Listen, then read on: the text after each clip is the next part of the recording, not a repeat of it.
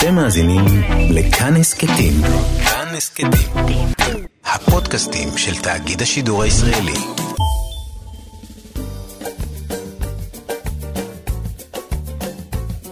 שישים החדש, עם איציק יושע. לחיות בגיל השלישי.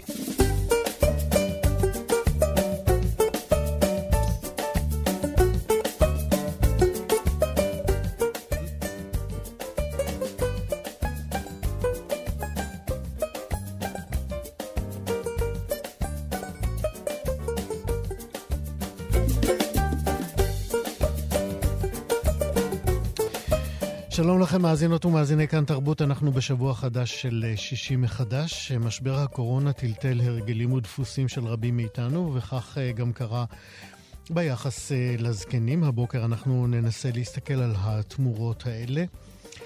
נדבר גם על מועצות הזקנים שפעלו במקרא, על יד מנהיגים יהודים ובני עמים אחרים. ננסה גם לענות על השאלה מתי כדאי להפסיק לנהוג בגיל השלישי, אם בכלל. נדבר גם על אה, פרויקט גמר שכולו השולחן של סבא ג'ייקוב.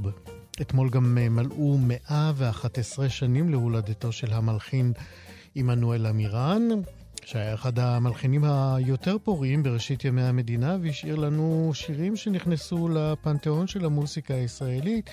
שירים כמו שאבתם מים בששון, דודי צח ואדום, אלה רק אה, חלק מהשירים. אנחנו נשמע מהם הבוקר.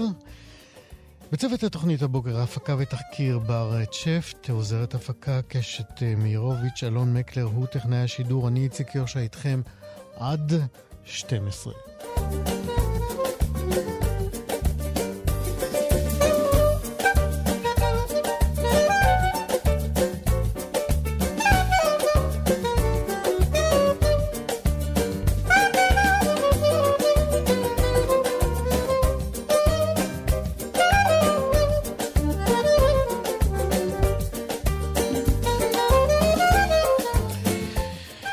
הזקנים הוא כינוי אה, לשתי קבוצות, האחת של אה, משה רבנו ואחת של יהושע בן נון. לא ברור מהמקרא אם אלה שתי קבוצות זהות או ממשיכות זו את זו, או שתי קבוצות שונות לגמרי שהתארגנו אה, סביב אותם אה, שני מנהיגים אה, גדולים, אפשר לומר, של עם ישראל בראשית אה, ימיו כעם. בנוסף אה, לשתי הקבוצות האלה, במסורת היהודית אנחנו יודעים על עוד אה, קבוצות אה, זקנים. מה שאומר שהמנהיגים החשובים והמשמעותיים הקימו על ידם בעצם מועצות אה, מייעצות. אה, ננסה להבין עכשיו האם אה, זה היה רק בגלל צו אלוהי, כמו אצל משה רבנו, או האם זאת הבנה שעם כל תבונתם ויכולתם ו... מגלמניותם, אם תרצו. אה, אין כמו מגוון אה, דעות כדי לעשות את ההחלטות הנכונות, זה מה שהם חשבו, אנחנו חושבים. ננסה לבדוק את זה. אה, ננסה גם להסתכל על מה נשאר מהמנהיגים הזקנים, מהמנהיגות הזקנה, ועבר אל המאה הנוכחית. שלום לדוקטור אסנת ברטור. בוקר טוב, אני ממש מרגישה שאנחנו מזדקנים ביחד, מתוכנית לתוכנית. אז זהו, השאלה אם זה טוב או לא טוב. זה נפלא להתקן איתך ביחד. נאמר רק שאת מהחוג למקרא באוניברסיטת תל אביב. נכון. אז הזקנים הראשונים שהקורא המקראי לפחות פוגש, הם דווקא מצרים, נכון? נכון. כל הזקנים נכון. באים להלוויית אה, יעקב. זה קורה בספר בראשית, ואנחנו אה, שומעים על ה... נאמר שם כל זקני ארץ מצרים. עכשיו, גם, גם היום אנחנו מכירים את התופעה הזאת שכשיש לוויה מלכותית, אז כל שועי המדינה מגיעים. ואנחנו לא אמורים לחשוב שכל הישישים והקשישים של מצרים לקחו מקלות והגיעו uh, לעזור ליוסף לעלות כן, לכנען, לקבור את אבא שלו. manner of speaking כזה של להגיד היום. נכון, נכון. זאת, זאת בעצם, אה, אלו בעצם אנשים שמילאו תפקיד בכיר בממלכה, הם היו... חלק מהפקידות הבכירה שכיהנה לצד המלך. ומה שמעניין זה שקוראים להם זקנים. עכשיו, זקנים בהקשר הזה זה מעמד חברתי, זה לאו דווקא אנשים אה, שגילם מופלג, לאו דווקא אנשים מבוגרים. כי אנחנו למשל פוגשים אה, זקנים כאלו, שהם חלק מהמנגנון המלוכני גם אצל עמים נוספים. אנחנו זוכרים את זקני מדיין וזקני מואב, הם מופיעים בסיפור הפנטסטי על אה, בלעם, הנביא הקוסם התבקש לקלל את בני ישראל. והפנייה אליו נעשית באמצעות משלחת של, של זקנים. הם מכונים גם זקנים וגם שרים, כלומר, ברור לגמרי שמדובר באנשים שהם חלק מה, מהממשל. ולכן העובדה שיש אצלנו, בהקשר של, של ישראל, את, את המושגים זקני ישראל, זקני יהודה, זקני העם, זקני השבט, שכולם חזו בתפקידי מנהיגות, בין באופן עצמאי, תכף נדבר על זה, או, או לצד המנהיג, כמו שאתה אמרת, העובדה הזאת היא אה, לא ייחודית בעצם אה, לישראל הקדומה, אלא לכל החברות, כל הקהילות שאנחנו, או לפחות כך מציירים את התמונה הזאת במקרא, אה, בעולם הקדום, כלומר ב, ב, במזרח הקדום. אני רוצה אה, לגשת רגע למשה, או לנסות לראות את הייחוד, לפחות אה, ב... בהקמה של המועצות האלה אה, אה, אצלנו, אצל אה, משה, אצל יהושע.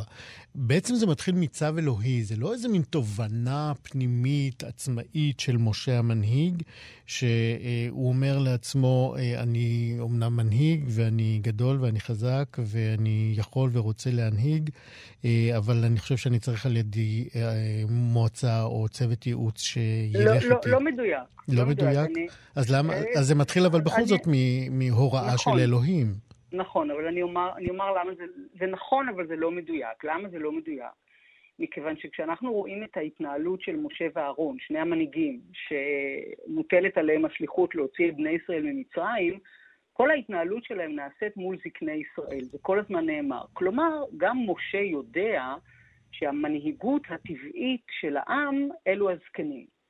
מה בעצם קורה? יש כאן סוג של עליית מדרגה, כי הצו הזה של אלוהים שאומר למשה, אספה לי 70 זקנים, 70 אה, אה, אה, איש מזקני ישראל, אשר ידעת כי הם זקני העם. מה זה המשמעות אשר ידעת כי הם זקני העם? שיש להם מוניטין ויש להם יכולות מוכרות. כלומר, אנחנו עכשיו לוקחים מתוך המנהיגות 70 אנשים שנושאים בתפקידים הרגילים של המנהיגות, על תפקידים האדמיניסטרטיביים, ואיפה עליית המדרגה? אתה בעצם לוקח אותם לידך, אתה מביא אותם לאוהל מועד, ואני שם יורד ומדבר איתך, ואני אוצל מן הרוח שלי ששמתי עליך, עליהם. וזו עליית המדרגה, מכיוון שבעצם מה שיש כאן זה שהמנהיגות הנבחרת של העם זוכה, כמו משה, שהוא כבר מזמן נבחר האל, למגע האלוהי. כלומר, רוח אדוני שורה עליהם, כפי שבהמשך היא תשרה על המלך ועל הנביאים. זאת, זאת בעצם המשמעות. המגע האלוהי הזה נותן את הגושפנקה האלוהית למנהיגות העממית. לכן זה לא משהו שנולד רק מתוך הציווי האלוהי. אם תרצה, יש כאן בעצם, אלוהים נותן הכשר למצב קיים. הוא בעצם מעלה אותם לדרגה של המנהיגות ה... שמקבלת את, הבחירה האלוהית, אבל הוא עושה את זה מתוך, מתוך השטח. מתוך משהו שקיים, זה לא יש מאין. זאת אומרת, אה, משה אה, לא במקרה ראשון בין שווים. זאת אומרת, זה משהו נכון. שהוא יצר, והאלוהים בעצם בא לתת לזה איזה מין גושפנקה קוסמית, או... נכון. אנחנו יכולים לזכור את טקס כריתת הברית. יש את הטקס שנערך, משה ואהרון ושבעים זקנים עולים להר סיני. כדי שיתבצע טקס כריתת הברית, הברית בין אדוני לעם ישראל, והזקנים, גם הם זוכים להתקרב אל, אל אלוהים, הם אפילו רואים אותו, כתוב שם במפורש, ויראו את אלוהי ישראל ותחת רגליו כמעשה לבנת הספיר וכעצם השמיים בתואר.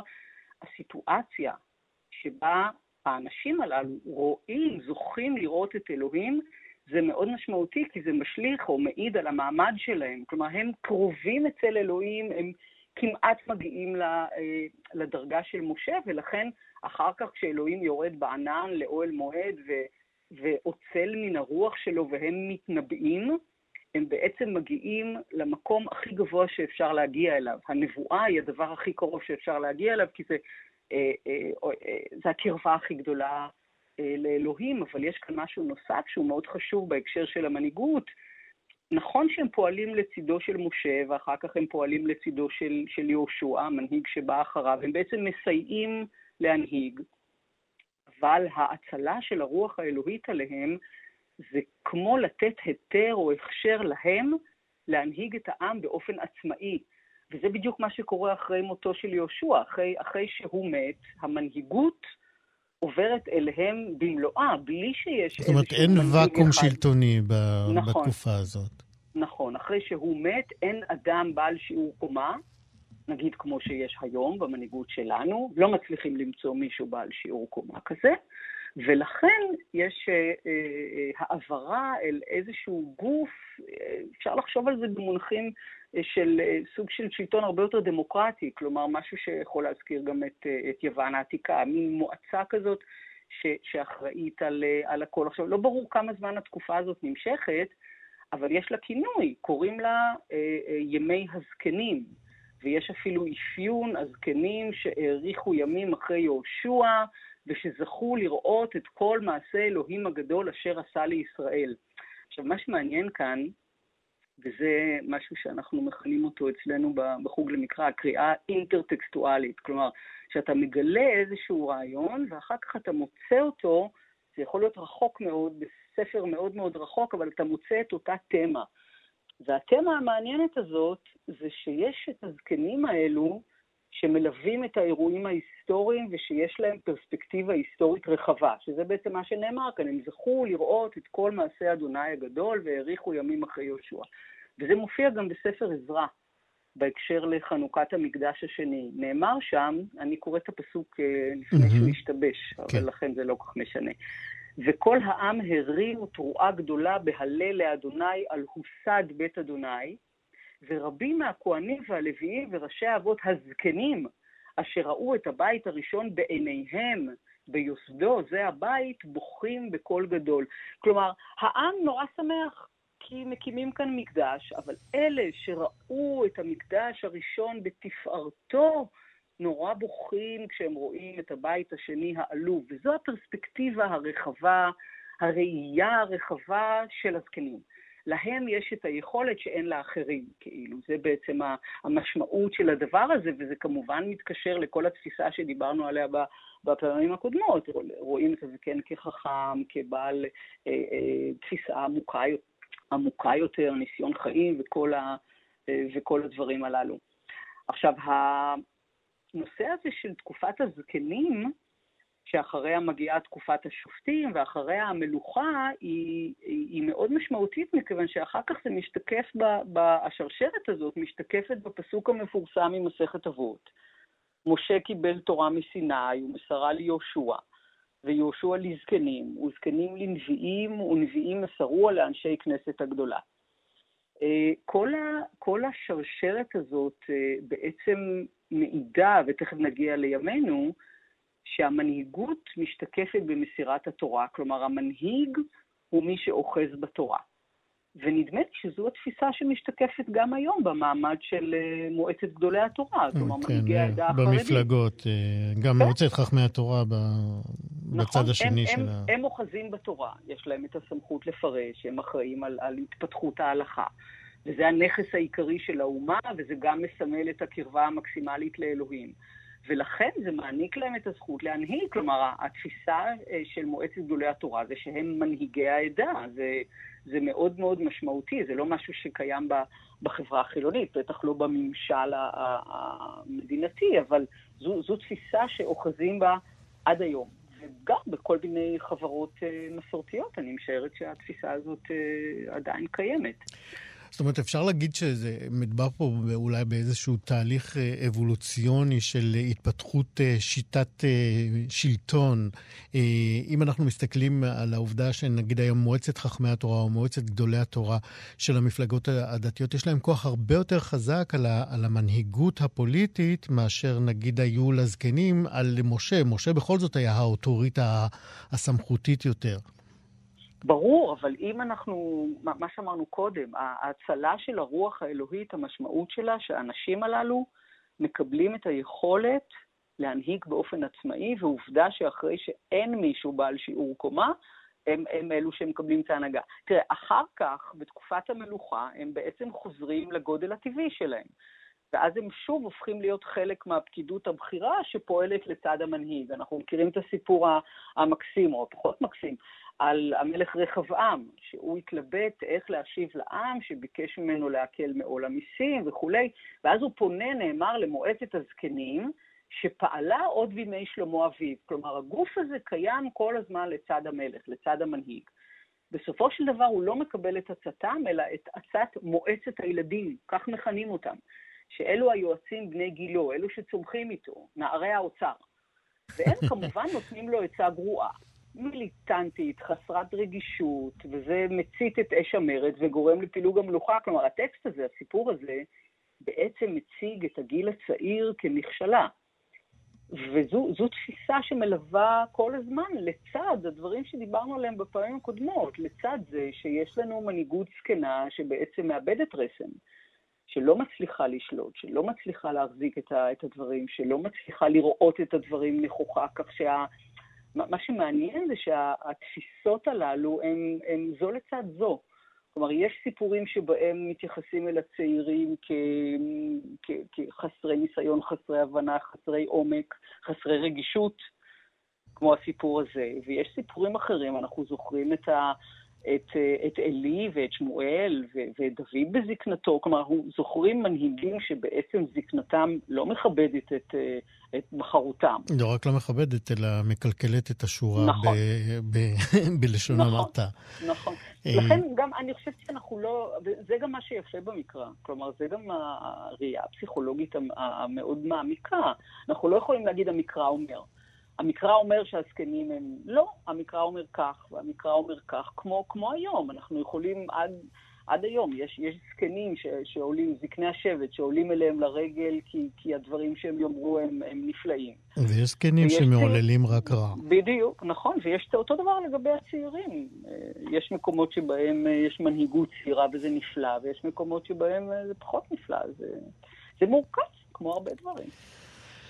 דוקטור אסנת ברטור מהחוג למקרא באוניברסיטת תל אביב, כרגיל, כיף לדבר איתך אה, על מעמד הזקנים ובכלל, אה, ולדעתי אנחנו נשוב ונשוחח ונמשיך להזדקן ביחד. נמשיך להזדקן ביחד. כן, כן. תודה. אוקיי. להתראות. ביי ביי. עמנואל עמירן, אמרנו לכם אה, אתמול מלאו 111 שנים להולדתו, והנה אחד השירים שנכנסו ממש היטב לפנתיאון הישראלי, בטח לכל מי שרוקד ריקודי ים.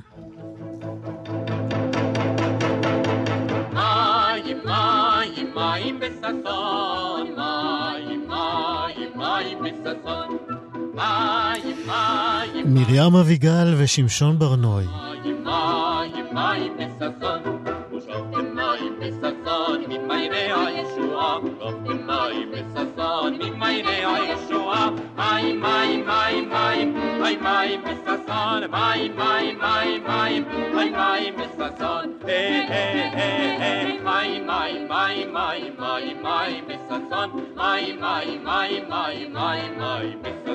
Topfen מים בששון, ממעייני הישועה, תופתם מים בששון, ממעייני הישועה, מים, מים, מים, מים, מים, מים בששון, מים, מים, מים, מים, מים, מים בששון, היי, היי, היי, היי, מים, מים, מים, מים, מים, מים בששון, מים, מים, מים, מים, מים, מים בששון. בששון,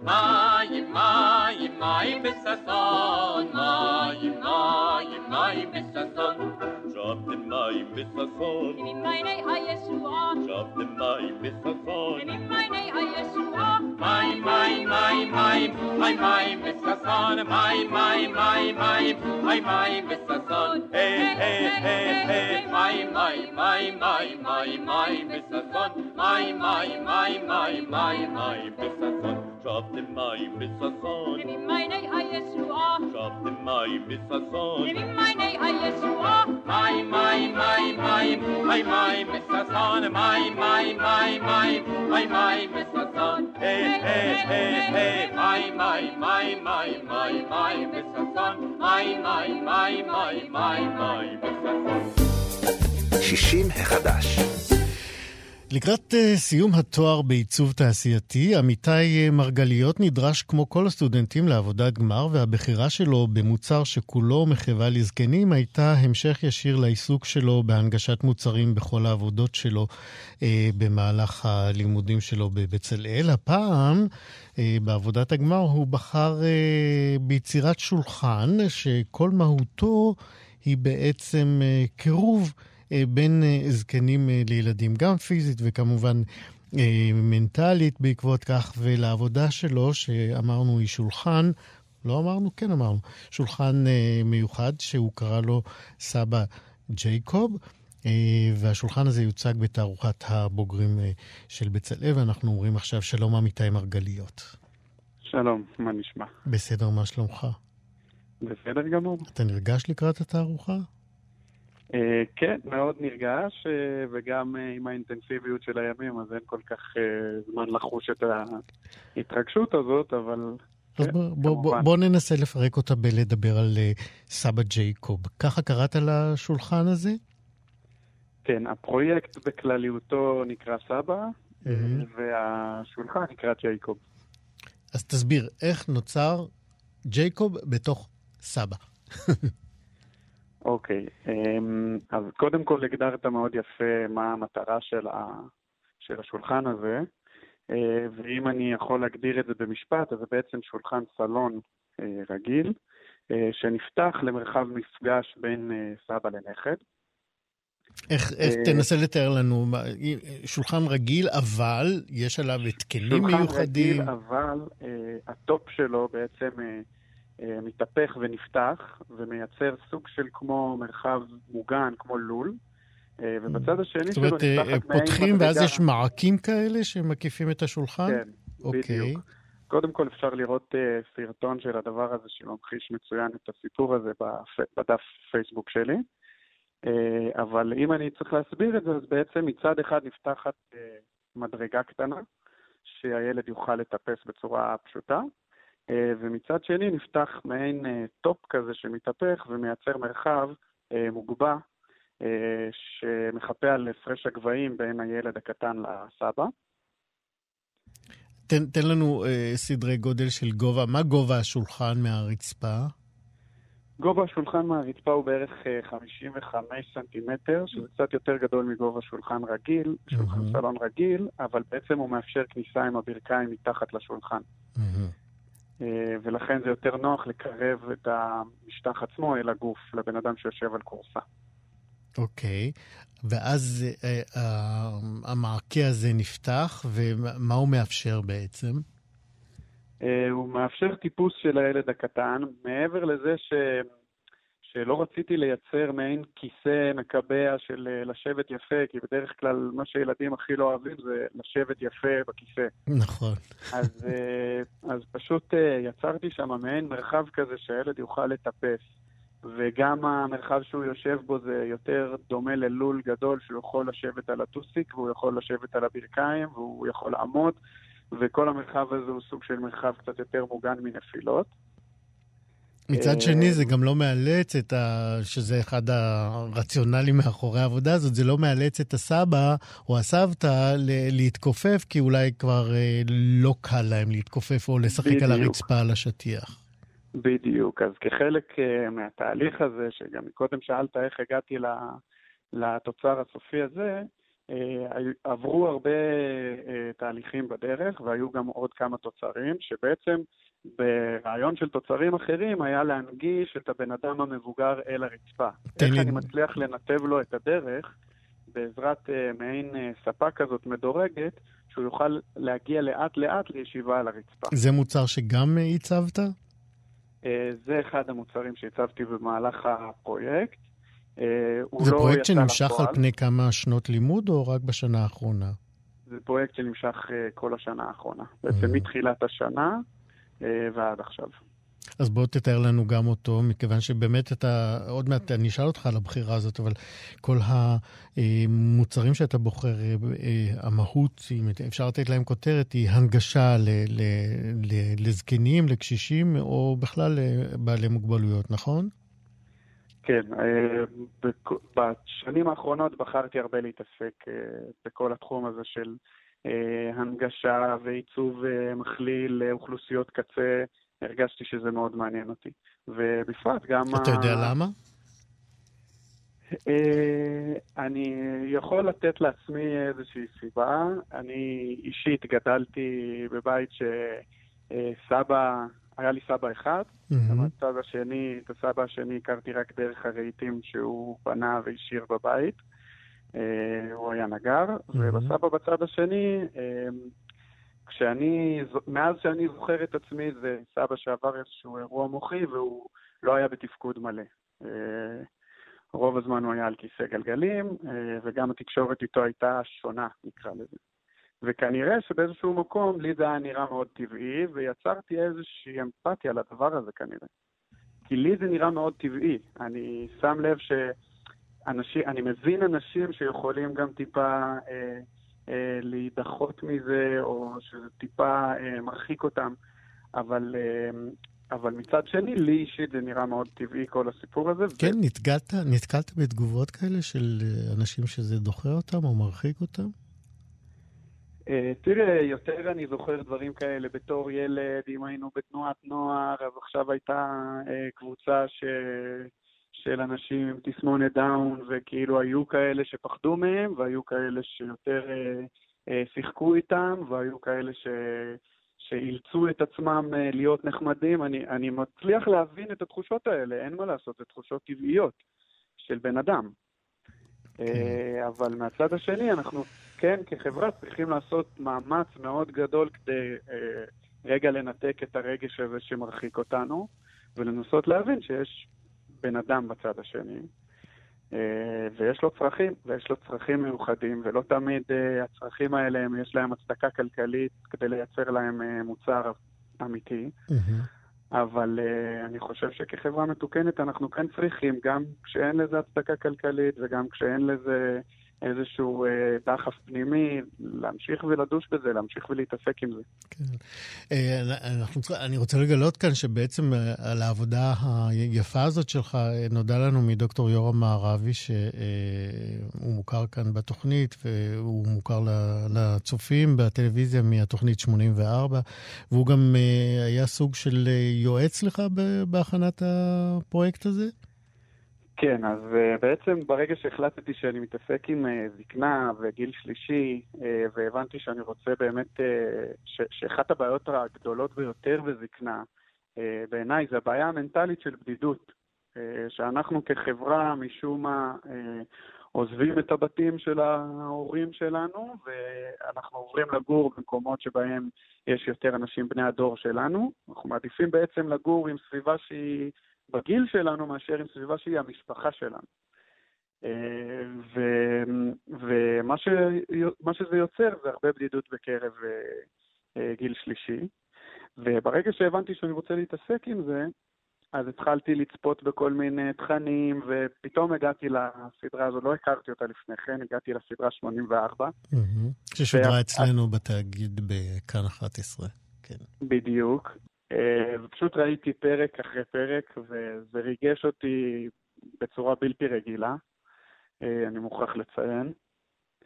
כן, אה, וזה גרם לי, זה גרם לי לשים את הדבר הזה כנקודת מוצא לפרויקט, כאילו להחליט שזה, ש... הנה, עשו מספיק מחקר, הגיעו לתוצרים מאוד מאוד מאוד טובים, אני רוצה לקחת את הדבר הזה ולהמשיך מפה, אין לי סיבה לנסות לעשות משהו אחר. אני רוצה לקחת את זה ולעשות מזה משהו. ובעצם האינטראקציה הזאת, הכל כך טבעית, בין בן אדם מבוגר לילד קטן, אה, כל כך נטולת אינטרסים, שהחיבור קורה בשניות, זה הוביל אותי להתחיל לחקור את זה ולהתעסק עם זה, וגם במסגרת איזושהי התנדבות שהייתה לי במרכז יום של ותיקי מטה יהודה, יזמנו שם איזושהי פגישה כזאת בין גן ילדים לאנשים שנמצאים שם. נפלא. זה גם היה נפלא, זה כאילו, אתה רואה חיבור של כאילו נכד וסבא, או, או נכדה וסבתא. כן, ברור שאי אפשר להפריז בערך הגדול שזה מוסיף אה, לרווחתם של הזקנים, והשיא של זה זה כמובן אה, העבודה. וגם לרווחתם של הילדים. בוודאי, בוודאי. לגמרי הדדי. לגמרי. אה, והשיא של זה זה כמובן העבודה הזאת שלך במסגרת הפרויקט סבא, השולחן שקראת לו ג'ייקוב.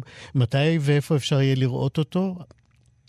אז התערוכה, זו תערוכת בוגרים, יהיה אפשר לראות שם לא רק את השולחן שלי, אלא גם את כל הפרויקטים שהם בעצם תוצרי הגמר של המחלקה לעיצוב תעשייתי. בבצלאל? וזה יהיה בבצלאל, כן, בהר הצופים.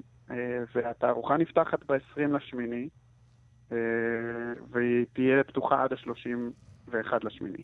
איזה יופי. אגב, אתה שוקל להעביר את השולחן הזה לפס ייצור מסחרי? תראה, אני בניתי את כולו בצורה כזאת שיהיה מאוד מאוד מאוד קל אחרי ולייצר אותו בייצור המוני, ואולי כמה שינויים קטנים יוכלו לגרום לו אפילו להיות גם בהרכבה בבית.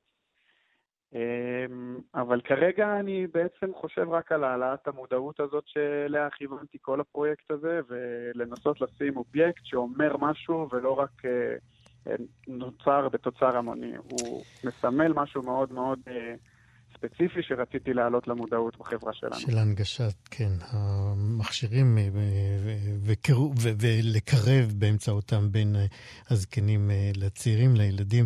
עמיתי מרגליות, תודה רבה על הפרויקט הזה ועל השיחה הזאת. תודה רבה. אני רק רוצה לציין שבפרויקט שלי אני הונחיתי על ידי המרצה דורי רגב, ודיברתי עם המון אנשים ש... מאוד מאוד עזרו לי, אז אני אומר לכולם תודה, כל מי שמקשיב כרגע לדבר הזה, אני אומר לכולם תודה, כי הרבה מאוד אנשים נתנו את האינפוט שלהם וגרמו לדבר הזה לקרות. עמיתי מרגלית, גם לך תודה. להתראות. להתראות. 60 החדש.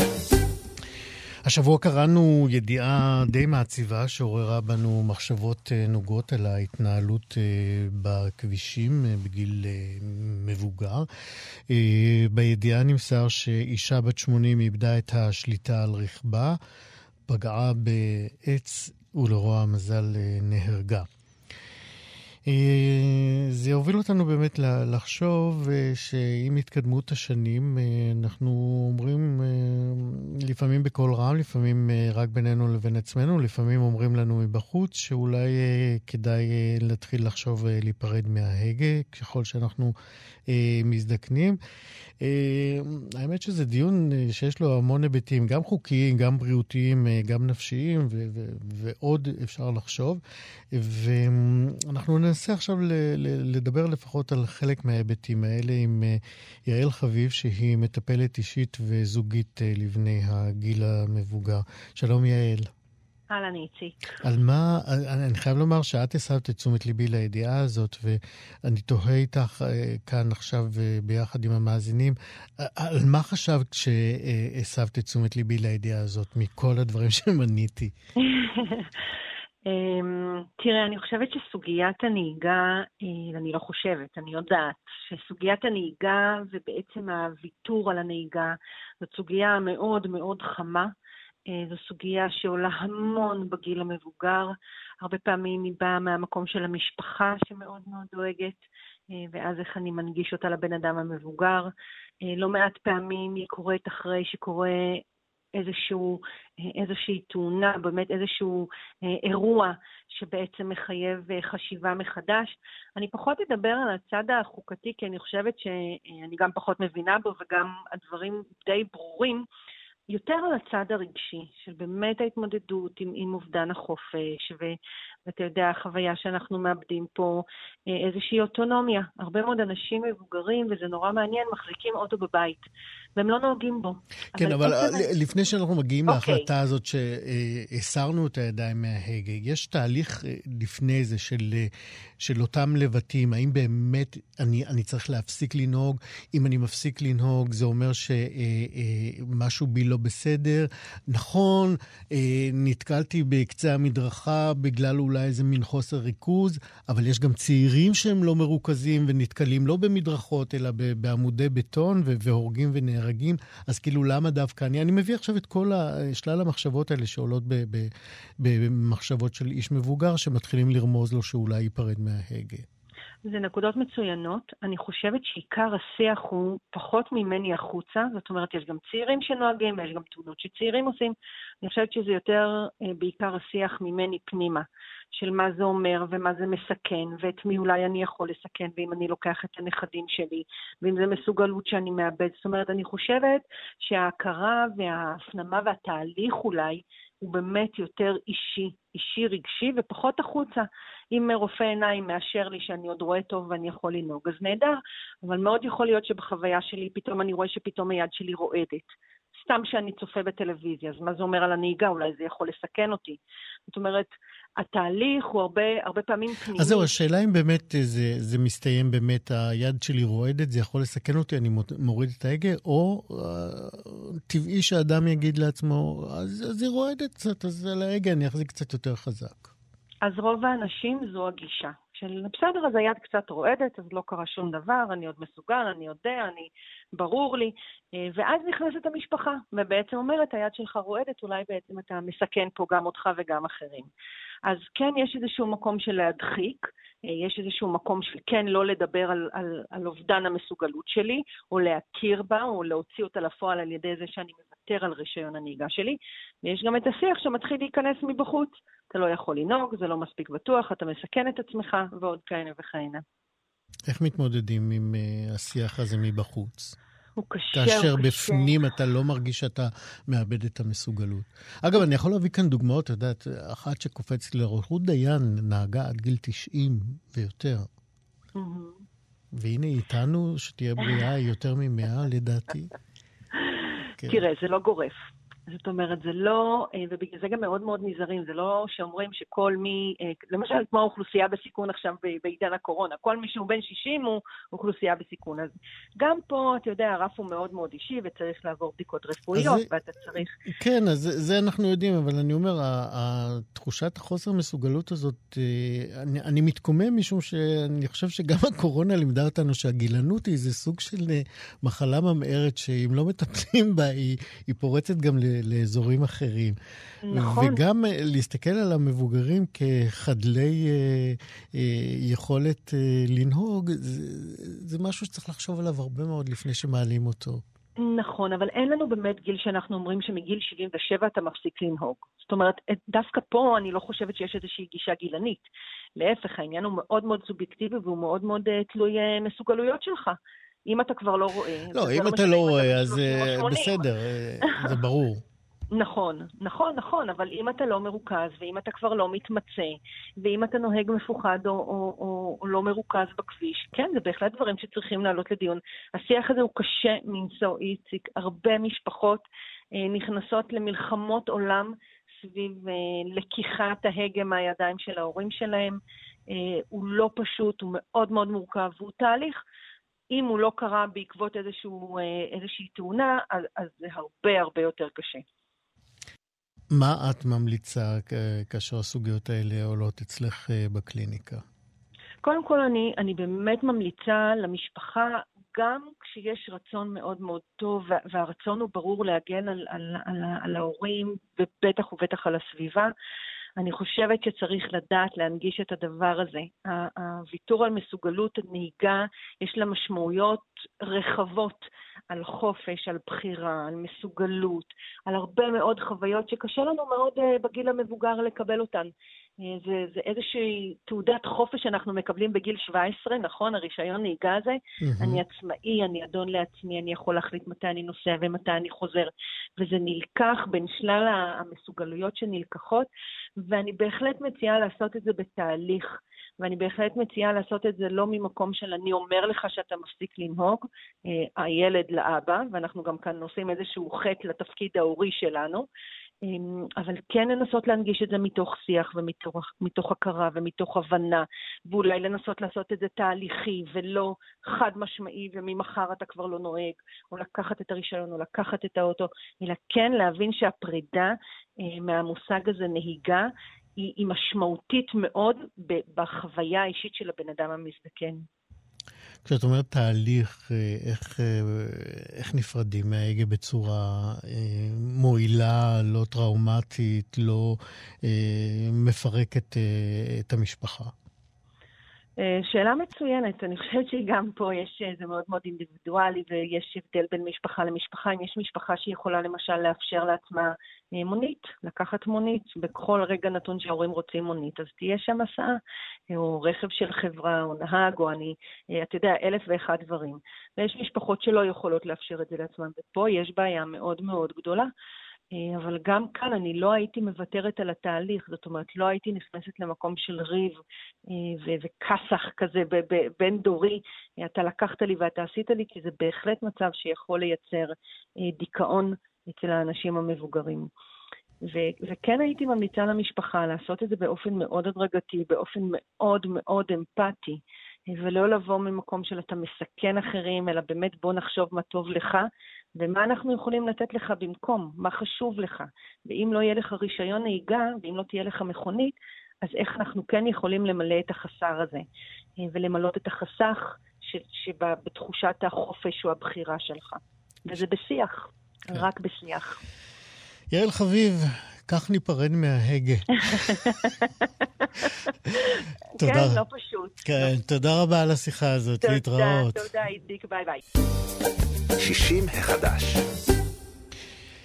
דיברנו על זה קצת אה, בהקשר של אה, מעמדם של הזקנים, אבל אני רוצה לחזור אל אה, מעמדם של הזקנים היום. רבים מאיתנו הזדעזעו מהיחס לזקנים במהלך ימי הקורונה הפחות ודאיים. לא שהיום יש יותר ודאות, אבל כשה... חוסר ידע היה כל כך אה, גורף אה, ומבהיל. אה, כולנו זוכרים את הקלות הכמעט בלתי נסבלת שגזרנו בבדידות ובידוד על, על הזקנים, וככל שהמשבר הזה נמשך, אנחנו בעצם... נאלצים, וטוב שכך, להסתכל ולבחון שוב את היחס שלנו, ואולי לקבל החלטות חדשות. לגבי אה, היחס אה, לזקנים.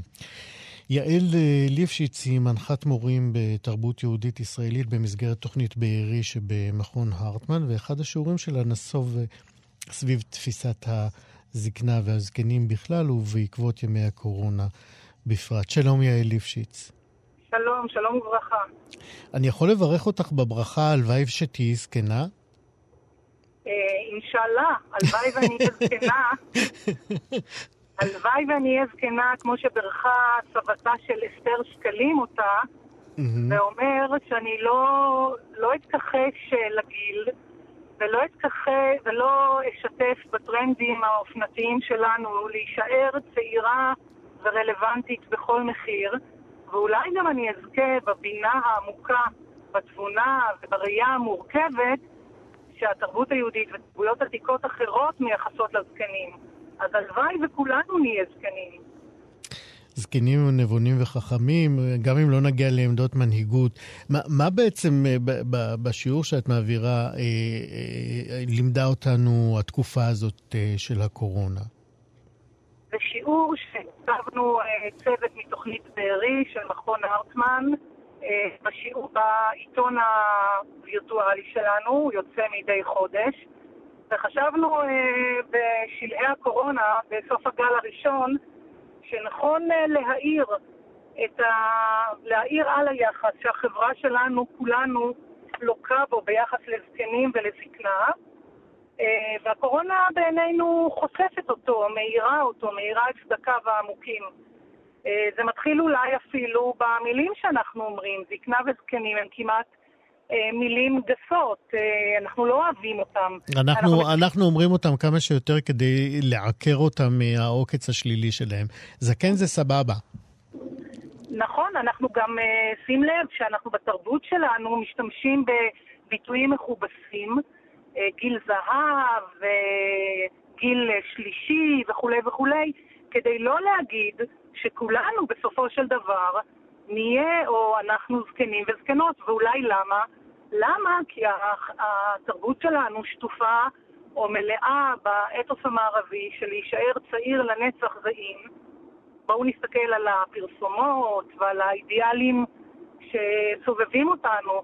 אנחנו לא, אנחנו לא מתים להזדקן, מכיוון שהזקנה בתרבות שלנו היא מתקשרת בעיקר עם רפיסות הכוח ורפיסות הדעת, ואנחנו יכולים גם לשים לב שבקהילה שלנו, באורחות חיינו, אנחנו לא רואים, לפחות במרחבים שבהם אני חיה, אנחנו לא רואים זקנים משולבים בחיי קהילה. אנחנו לרוב שמים אותם במוסדות עם שמות מרגיעים, אה, שמות ככה מנמנמים, עושים סגרגציה של הגיל הזה, של התקופה הזאת, והקורונה חשפה גם את הגילנות שאנחנו, אה, את האפליה על בסיס גיל, שאנחנו אה, כולנו שרויים בתוכה. זה מתחיל מזה שיש אנשים בני 60, 70, 80 ואולי אפילו למעלה מזה, שהם עובדים והם חיוניים והם רוצים להישאר כאלה, והם היו צריכים להתנצל על זה שהם אה, לא נמצאים בבידוד. שהם חיים, כן. אה. מה את, מה את, אה, איזה דגשים את אה, מעבירה בשיעור הזה לאותם אה, מורים שאת אה, מדברת איתם, כאשר הם אנחנו... באים לדבר על אה, מעמד הזקן בעקבות הקורונה? אנחנו מבקשים קודם כל להפנות את תשומת הלב בעקבות באמת, התחלנו את זה עם השיר של אסתר שקלים, שאנחנו מאחלים זה לזה תמיד שנשאר צעירים לנצח. ואולי למה למה, למה, לחשוב רגע, למה אנחנו נמנעים מהזקנה? במסורת שלנו יש כל כך הרבה מובאות ומקורות נכון, שמתארים דיב... את הזקנה כן, כ... דיברנו כאן אה, בתחילת התוכנית על אה, מועצות הזקנים של משה רבנו, יהושע בן נון אה, ו... וכולי. נכון, נכון. אז קודם כל להפנות את תשומת הלב שכדאי אולי להזדקן, להתבגר ולצבור את, הניסי... את הניסיון. זה מצד אחד. אה, בהמשך הבאנו גם, אה, בסוף, בסוף השיעור הבאנו... אה, אה, איזשהו, אה, איזושהי כתבה ששודרה באחת מערוצי החדשות על ילד אה, באמת יחיד סגולה. שעבר לגור עם סבא שלו.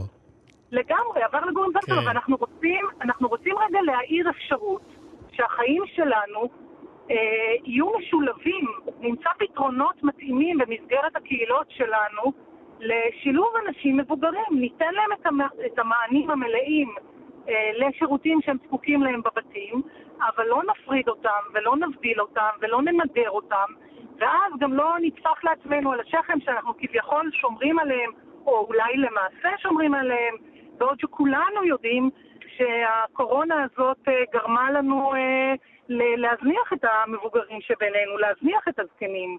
אנחנו בעיקר רוצים ליצור מודעות, בעיקר רוצים לפתוח אפשרות לחשיבה מורכבת, אה, אנחנו לא מעמידים פנים ששיעור או מערך שיעורים יכולים לשנות תפיסה או מגמה, אבל התפקיד שלנו זה להאיר, להאיר את המגמה הזאת, ואנחנו חושבים שהקורונה מאירה באמת אה, את היחס הלא חיובי שלנו לזקנה ולזקנים. יעל ליפשיץ, אה, מנחת אה, מורים אה, בתרבות יהודית ישראלית במסגרת תוכנית בארי במכון הרטמן. אני מקווה שהשיעורים שלך יופצו כמה שיותר כדי שנוכל ביחד למגר את מחלת הגילנות. אני רק אגיד לך, כן. בסוף, שיש נבואה קצרה קצרה של הנביא זכריה כמדומני, mm-hmm. שמתאר מתאר את uh, בניין ירושלים במילים הבאות. הוא אומר, עוד ישבו זקנים וזקנות ברחובות ירושלים, ואיש משענתו בידו מרוב ימים. ורחובות העיר ימלאו ילדים וילדות משחקים ברחובותיה.